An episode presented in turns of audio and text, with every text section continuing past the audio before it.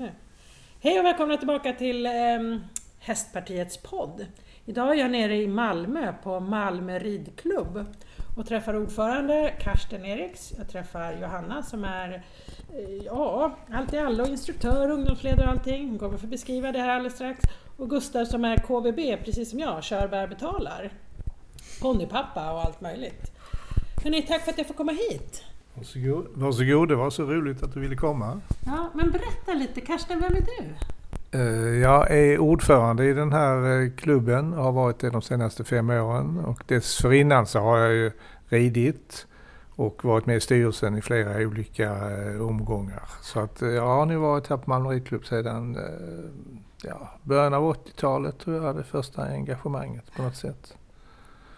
Och eh, jobbar nu ganska mycket. Vi har många stora projekt på gång och eh, en positiv, oerhört positiv utveckling just nu. Vad spännande! Trots coronan. Ja.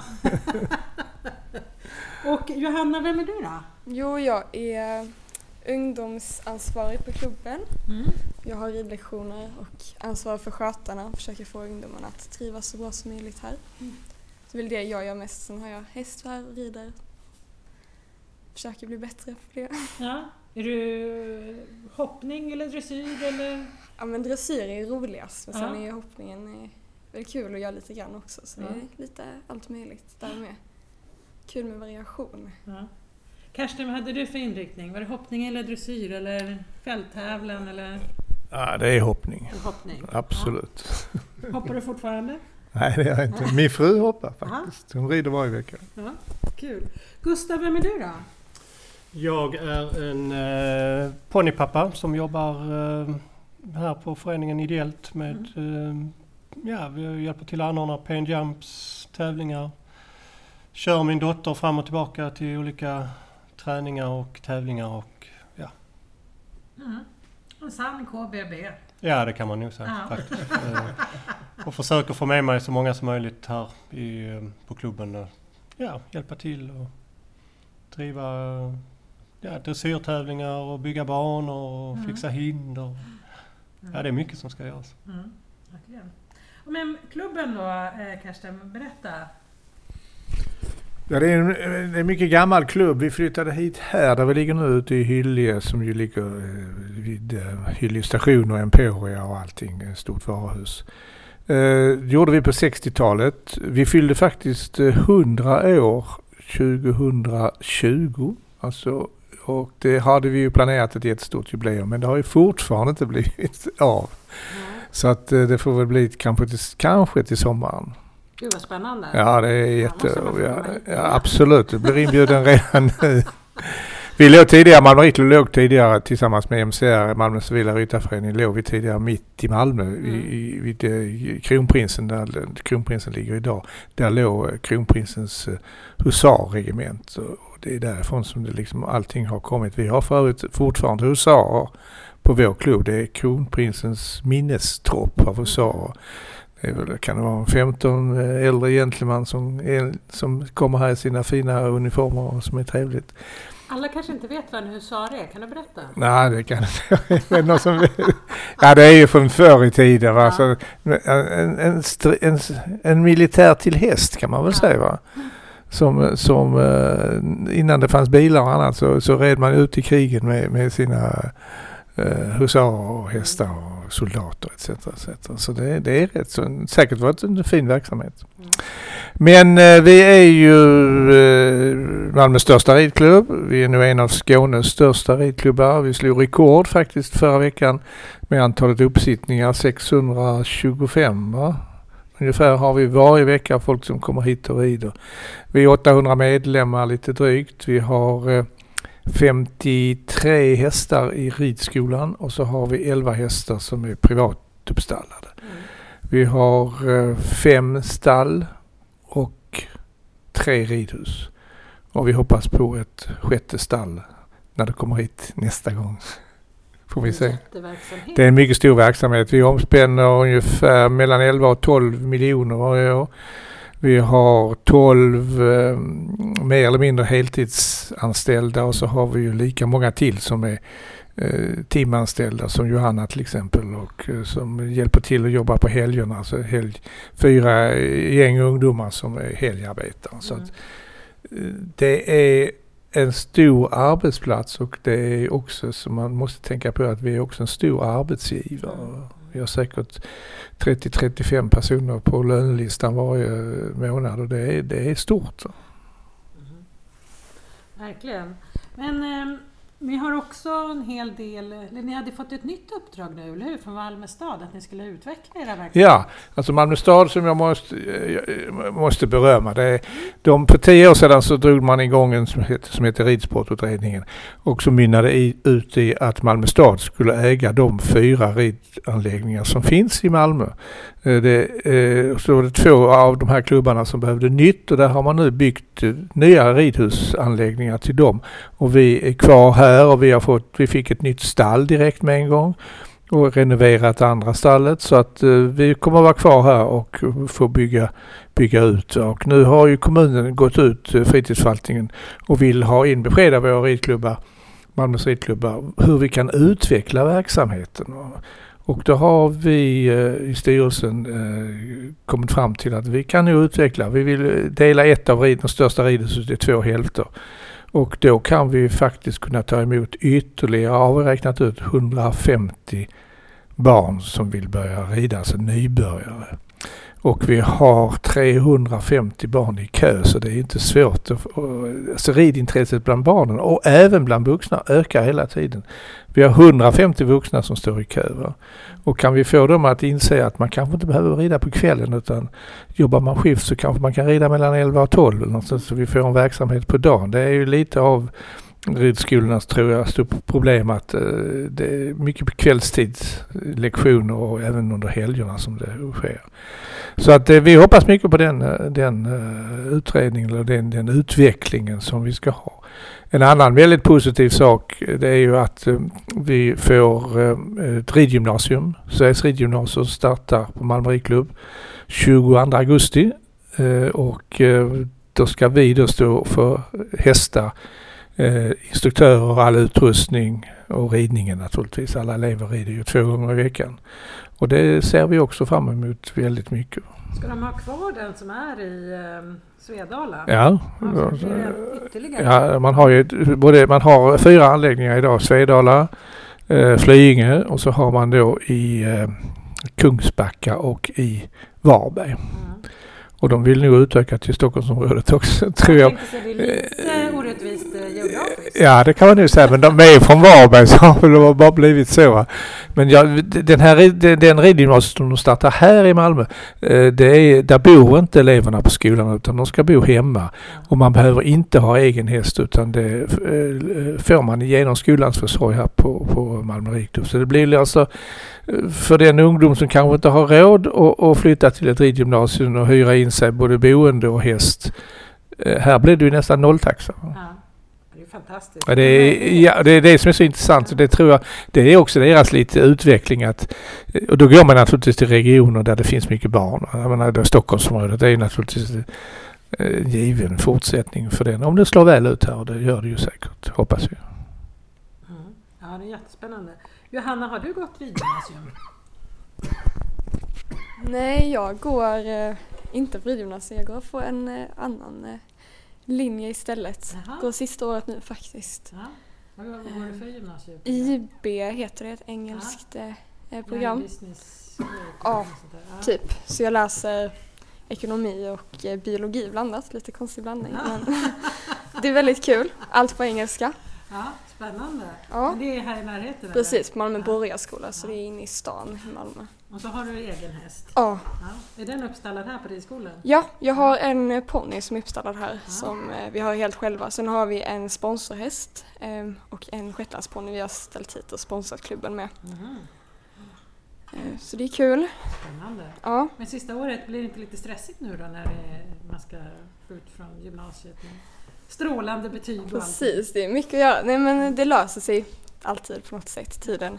Hästarna finns det alltid tid med Mm. på något sätt. Ehm, så det, det löser sig. Det är inte så farligt faktiskt. Nej. Men när man är hästtjej eller hästkille så är man ju oftast ganska strukturerad för man vet att man måste planera för att en eh, annan individ i hästen ska ha mat och, och massa sådana saker. Upplever du att du har någon hjälp av det i ditt skolarbete? Ja, väldigt mycket. Jag har, eh, jag har ju hästen jag måste till så jag kan inte skjuta upp läxorna på samma sätt såklart utan det blir mycket struktur precis som du sa. Man måste fixa färdigt allting i tid och, och göra det man ska. Ehm, Så det är någonting som hjälper en väldigt mycket och även eh, att man lär sig samarbeta med hästen och de andra i stallet hjälper ju Mm. mycket under skolarbetet också så det skulle jag säga är en väldigt stor tillgång att ha den erfarenheten. Spännande. Men du håller ju då på med ungdomsverksamheten. Kan du berätta lite om den? Vad gör ni? Ja, jag eh, har ju tidigare suttit med i ungdomssektionen på klubben. Men jag gör inte det längre men eh, jag stöttar dem lite grann fortfarande med detaljer för aktiviteter och så här lite kom ihåg, tänk på detta. Ehm, och så där. Mina två småsyskon är med i ungdomssektionen. Mycket diskussion om det hemma. Eh, och annars så är jag ansvarig för skötarna på klubben. Vi är ju ganska många skötare, jag tror runt 70 stycken som Oj. sköter hästar, lektionshästarna då.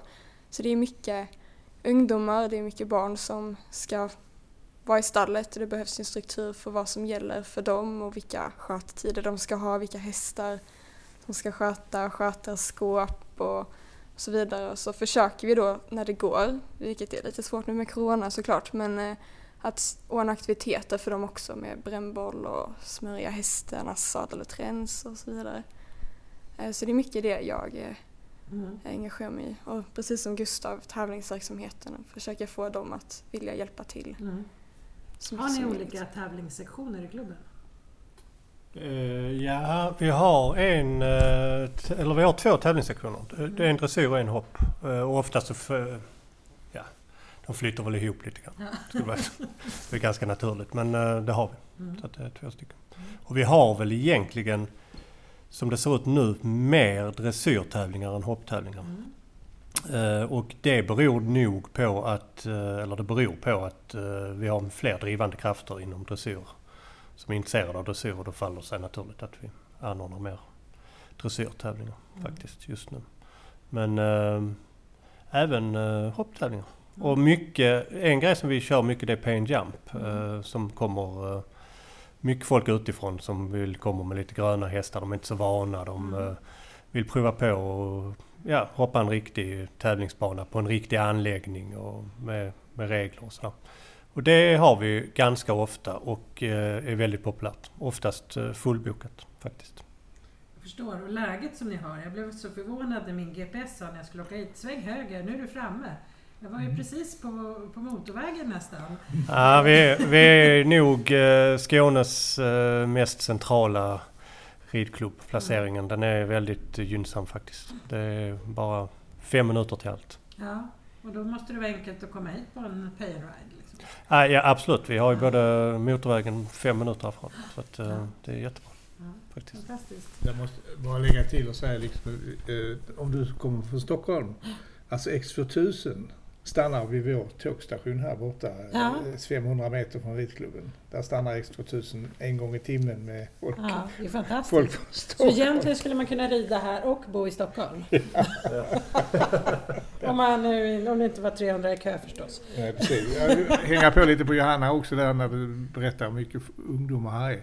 Alltså det här är ju Malmös mesta fritidsgård. Mm. Vi öppnar sju på morgonen och stänger 22 på kvällen. Mm. Och här är ungdomar hela tiden. Ja, vi hoppas ju på, vi har haft, när jag satt med i ungdomssektionen så hade vi lite, men vi hoppas ju på att kunna öppna upp nu. Kunna ha lite läxhjälp på, på dagtid, eller inte dagtid utan på eftermiddagarna då. Mm. Eh, Vi har öppen kafeteria två dagar i veckan eh, på vardagarna och sen på lördagar. Eh, Så vi hoppas på att kunna öka den typen av stöttning för ungdomarna på klubben också nu eh, framöver.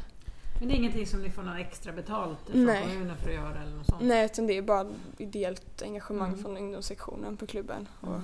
ungdomarna som är lite äldre. Det är Jättebra. Ja, så det är väldigt kul faktiskt. Mm. Ska inte vara så säker på det att vi inte får bidrag för att... alltså vi, eh, jag måste återigen berömma alltså, det samarbete som vi har med Malmö stad och framförallt då fritidsförvaltningen och även viss mån då fastighetskontoret som ju äger vår anläggning. De är mycket lyhörda för idéer. och Absolut så. Så det är kanske nu... Ingenting gör för bidragen. Men det är Nej, en det fantastisk eh, möjlighet för er att, eh, att det är så lika i hela kommunen Ja. ur rättvisesynpunkt. Absolut. Jag. jag har besökt många andra ridskolor där det kan vara så att man äger eh, fastighet men på ofri grund eller att man äger både fastighet och, och mark men eh, man får inte samma verksamhets eh, eller lokalstöd och liknande. Mm. Så att det, det ser verkligen olika ut i, i ridsport-Sverige. Men den modellen som man har i Malmö, Så den skulle du rekommendera? absolut. Ja. Det måste jag säga, absolut. Ja.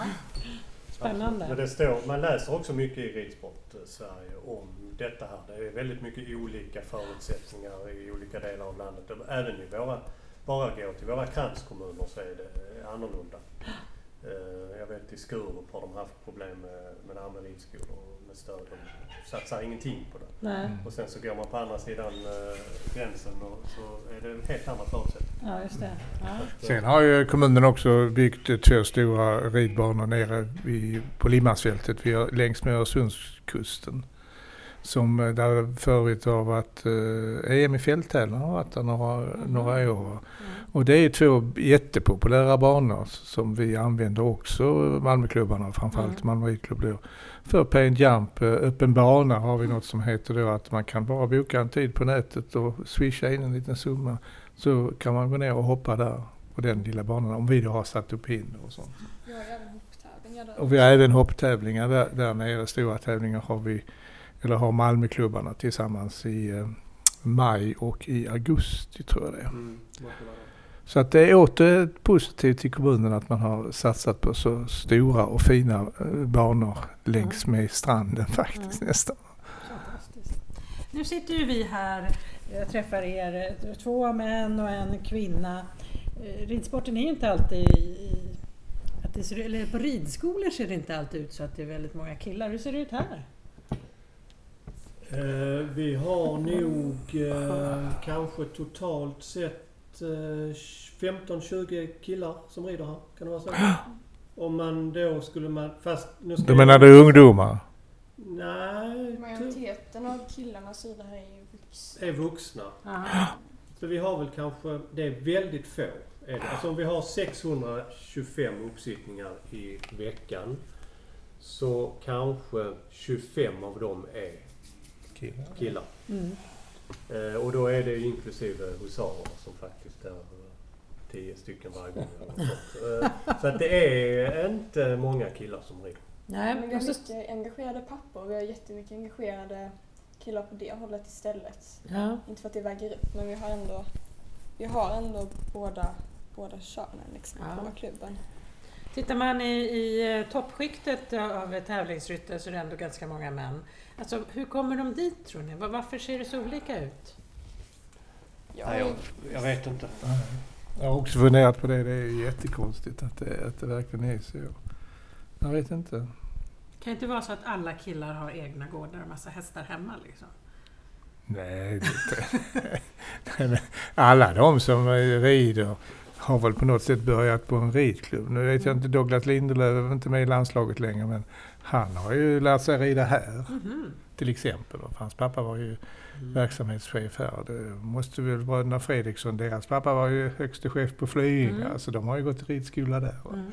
Så det är klart att alla de har ju börjat i en ridskola. Det vore ju intressant att veta varför, eh, varför fortsätter pojkarna och inte tjejerna? Mm. För det måste ju vara, tjejerna måste ju vara lika duktiga som killarna i, om vi går tillbaka när de var 15 år. Det kan vi ju se i landslaget, eh, bara titta på hoppningen där Malin också var med. Att om man rider på samma villkor. Ja, Där är ju eh, så ridningen så oerhört speciell att det verkligen Ja. är jämställda villkor. Och ändå så, ja, jag vet inte. Vad tror du Hanna? jag vet inte, jag kan tänka mig att det är svårare för en kvinna när man blir vuxen sen att fortsätta hålla på med idrotten när man skaffar barn och så vidare.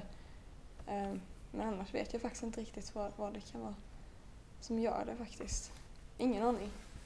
Nej, men det, man, man kan ju tro att det är så men sen kan vi bara gå vidare och titta på andra idrotter. Varför har vi, vi har ju ett jättebra handbollslag på högsta ni- Europanivå och vi har ett ännu bättre fotbollslag som är tvåa i världen, eh, tjejerna. Så där går det ju. Självklart så ska det gå om man bara gör det också. Ja. Men Men är det inte en förändring? På gång. Alltså att det blir fler och fler eh, tjejer som är med i, på högre nivå i ryttare. Jag hoppas det.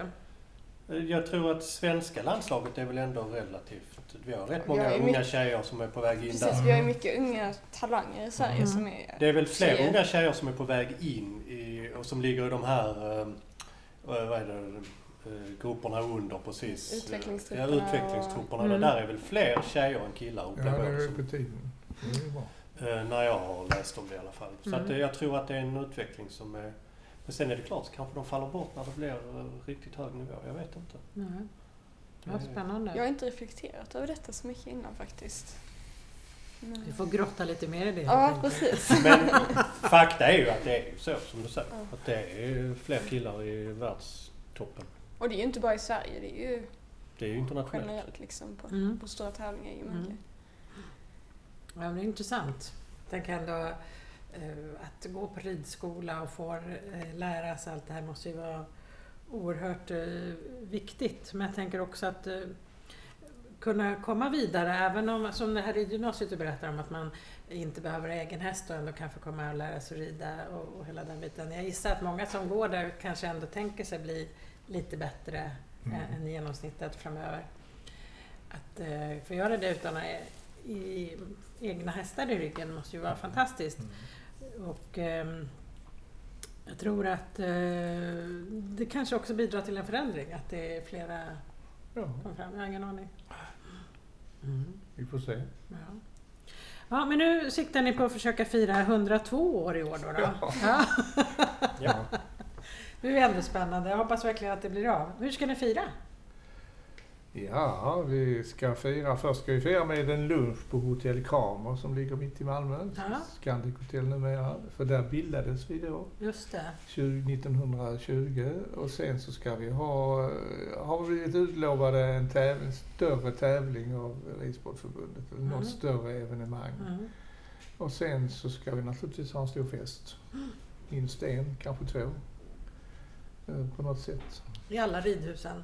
I, i alla ridhus. Vi ska ha det i ridhuset i alla fall. Så det blir ju framåt eh, sommar. Det finns en grupp som har jobbat med det här som vi måste sparka igång igen. Mm. Och det finns ju eh, mycket idéer och mycket som vi vill, som vi vill genomföra. Mm. Det enda vi lyckades få igenom direkt och som vi har fortfarande kvar, det är jubileumsloggan. Jaha.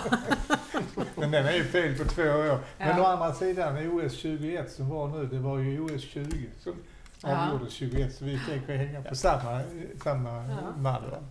Det viktigaste är att vi firar. Ja, precis. Det är viktigt att lyfta upp allt gott som Ja. går att eh, fira. Verkligen. Vad skulle jag säga? Ni pratar en hel del om tävlingar. Är ni en stor tävlingsklubb? Nej, alltså Nej, Malmö är ju en ridskola. Det är en ridskola för, Ja. för, först och främst. Då. Vi satsar mycket på ridskor. Mm. Det är bredden där. Det är, det är fullt hus i tre ridhus eh, varje, sex dagar i veckan mellan 15 till 21 och 30. Det är fullt ös. Eh, Alltså i alla stall, alla ridhus, alla hästar. Det är en, ett pussel här som är väldigt svårt att lägga och som Mm. krävs mycket erfarenhet. Och det är inte bara ett pussel med hästar och grupper utan det är också ett pussel mellan instruktörerna, att de håller samma nivå. Eh, många rider i flera grupper.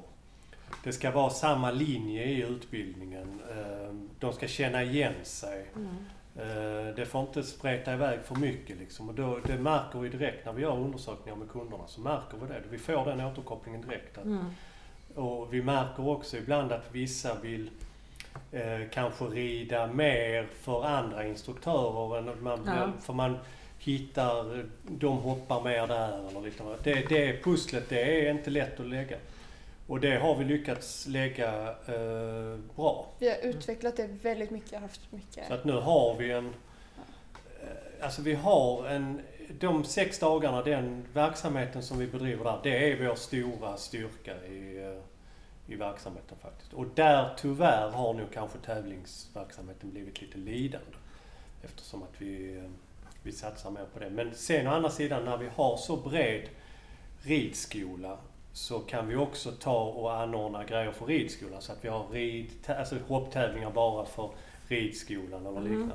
Blåbär det- och jordgubb. Ja, blåbärshoppningar och jordgubbshoppningar. Och det är väldigt, på väldigt låg nivå. Mm. Men många av våra kunder, de är på den nivån och det är det de vill ha. Mm. Eh, och eh, då kommer föräldrarna hit och så det blir det fullt ös på, på anläggningen på det sättet. Så att det, det, jag måste säga, det är ridskolan som är vår stora, vårt största eh, ben, alltså verksamhet. Mm. Outstanding. Johanna, du sa tidigare att det var många eh, pappor och andra som hjälper till. Är det lätt att få funktionärer eller frivilliga till olika uppdrag i klubben? Det är ju som det är i Det blir många svårare delar av och Sverige. svårare. Ja, svårt att få folk att engagera sig ideellt men de som engagerar sig ideellt engagerar sig väldigt mycket kan man Mm. väl säga. Eh, och sen så har vi ehm, Ja, vi har ju folk som engagerar sig. Vi skulle ju såklart vilja ha lite fler som engagerar sig. lite mer.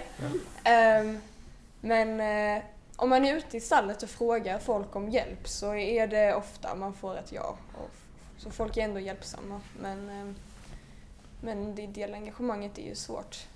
Vi har ett eh, litet projekt på gång där att vi ska titta mer på hur fotbolls, framförallt fotbollsföreningar men även ishockeyföreningar, alltså lagsportsföreningar. Mm. Hur kan de få så mycket engagerade föräldrar?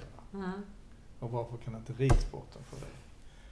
Alltså vad är hemligheten bland dem? I och för sig så talar de ju om att eh, har du en dotter som spelar fotboll och du kommer och tittar så får du besked om att nästa vecka står du i kafeterian. Och de, de delar ut det. De är lite, Mm. lite, lite tuffare tror jag. Mm. Och ställer lite krav på föräldrarna. Ska inte bara lämna av ungen på vår eh, parkeringsplats och gå in och rider och sen så kommer hem och hämta vederbörande igen. Utan Hur kommer det sig att det är så? Nej, jag vet inte, jag vet inte. Nej. Jag vet inte vad det kan vara på.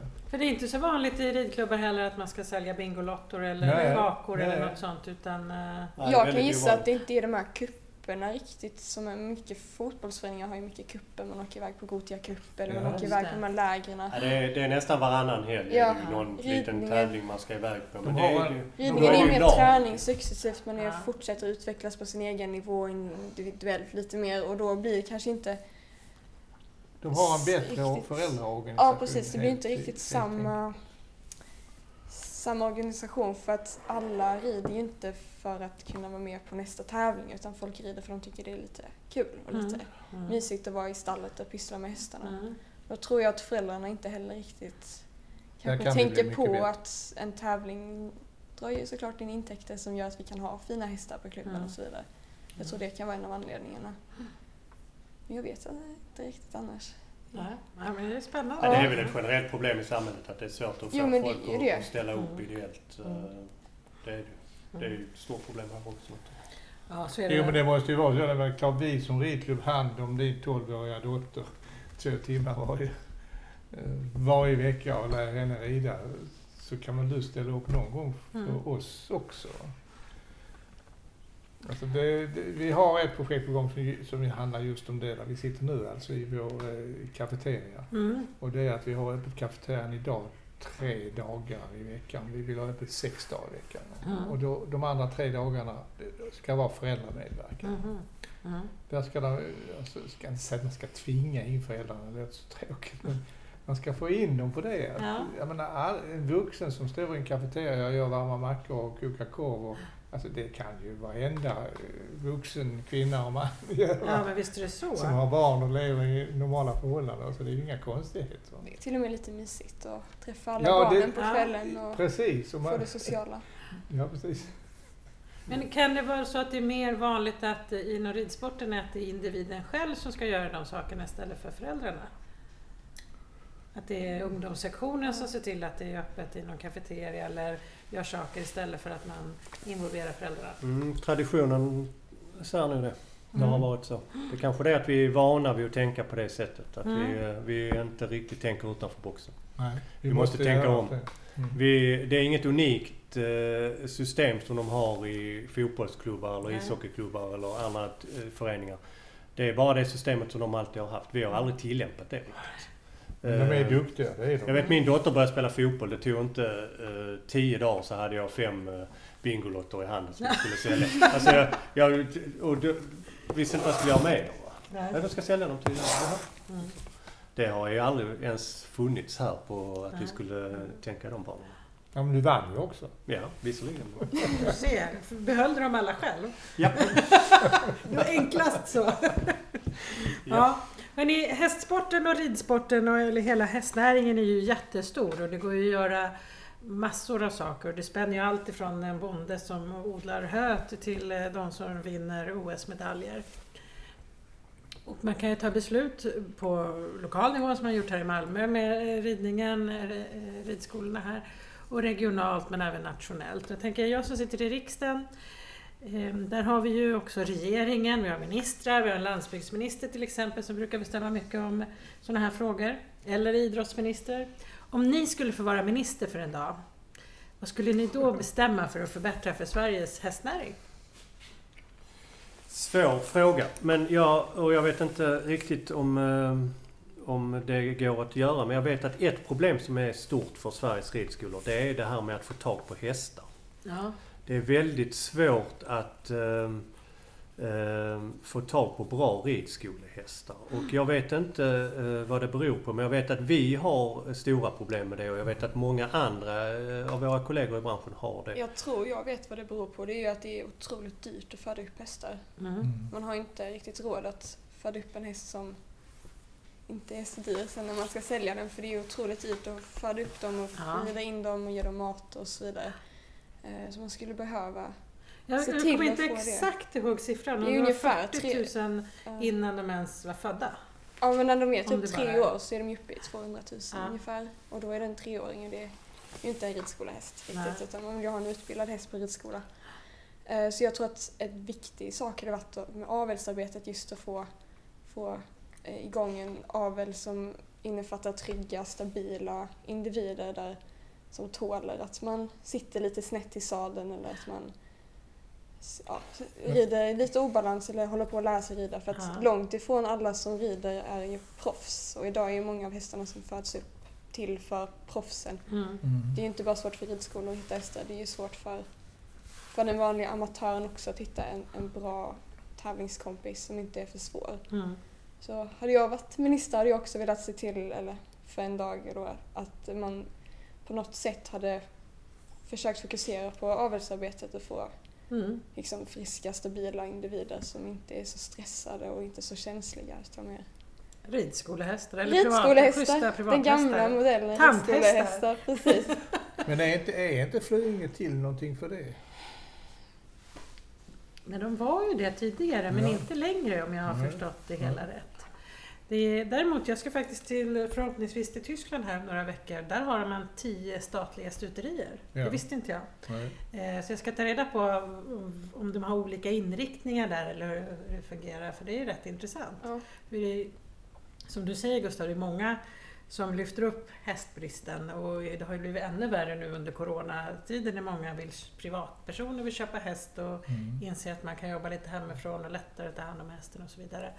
Och det har ju gjort också att priserna rusar. Ja, de har ju gått upp något otroligt bara på ett, ett år. Ja. Alltså. Och det är något som också är svårt för ridskolan för man har ju inte ekonomin att kunna köpa hur dyra hästar som helst heller. Även Nej. om man hade velat det. Ja.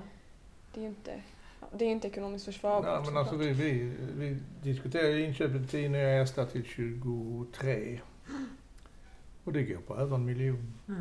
Och de pengarna har vi inte i, Nej. idag så att säga. Det, är- det, är- det är tufft. Så. Mm. Ja, jag upplever det som att det är ett stort problem för hela branschen. Eh, jag också. Och det har gått att importera irländska hästar och sådär innan men nu börjar de också. Nu är det slut Nu börjar de också. slut också. Nej, men det Ja, blir svårare och svårare Ja, vi har ju att hitta importerat från. Irland. Vi har ju verkligen testat alla. Alltså, Ja. Vi har ju importerat från Irland, vi har importerat från Polen. Våra har... nyaste hästar är från Ungern. Mhm. Och de har varit väldigt trevliga allihopa. Mm. Eh, Men, Men har ni jobbat med någon hästförsäljare då eller har ni ja själv precis, haft vi någon? har ett ja, samarbete vet jag inte men Mm, vi Ni har har... inte Indirekt. själva varit Nej, utan vi, vi handlar från en Mm. hästhandlare som vi har Vi jobbat har med i typ en- 25 år. En hästhandlare Ja. som vi köper allt ifrån nu. Mm. Nu, ja, Ja. nu sen... eh, Som är väldigt positiv.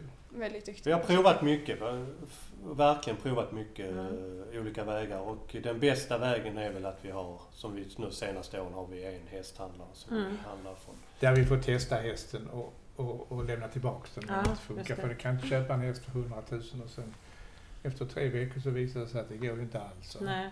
Då kan du inte komma tillbaka till någon eh, mindre hästhandlare och sagt att jag vill lämna tillbaka hästen. Nej. Nej, nej, nej. Nej. Vi har gått på några sådana nitar nämligen. Så. Jag förstår. Det är svårt att vara på så stor anläggning för att även om hästen är, är väldigt snäll och, och sådär så är det mycket liv och mycket ljud och det är mycket, väldigt mycket folk på, Ja. på ridskolan så att alla hästar pallar inte riktigt med den delen heller utan det är väldigt svårt att hitta en ridskola som både är bra att rida och som eh, trivs med att det är mycket Ja. folk i stallen och bilarna och vi har ju brandstationen precis runt husknuten så det är ju Ja. mycket liv och rörelse.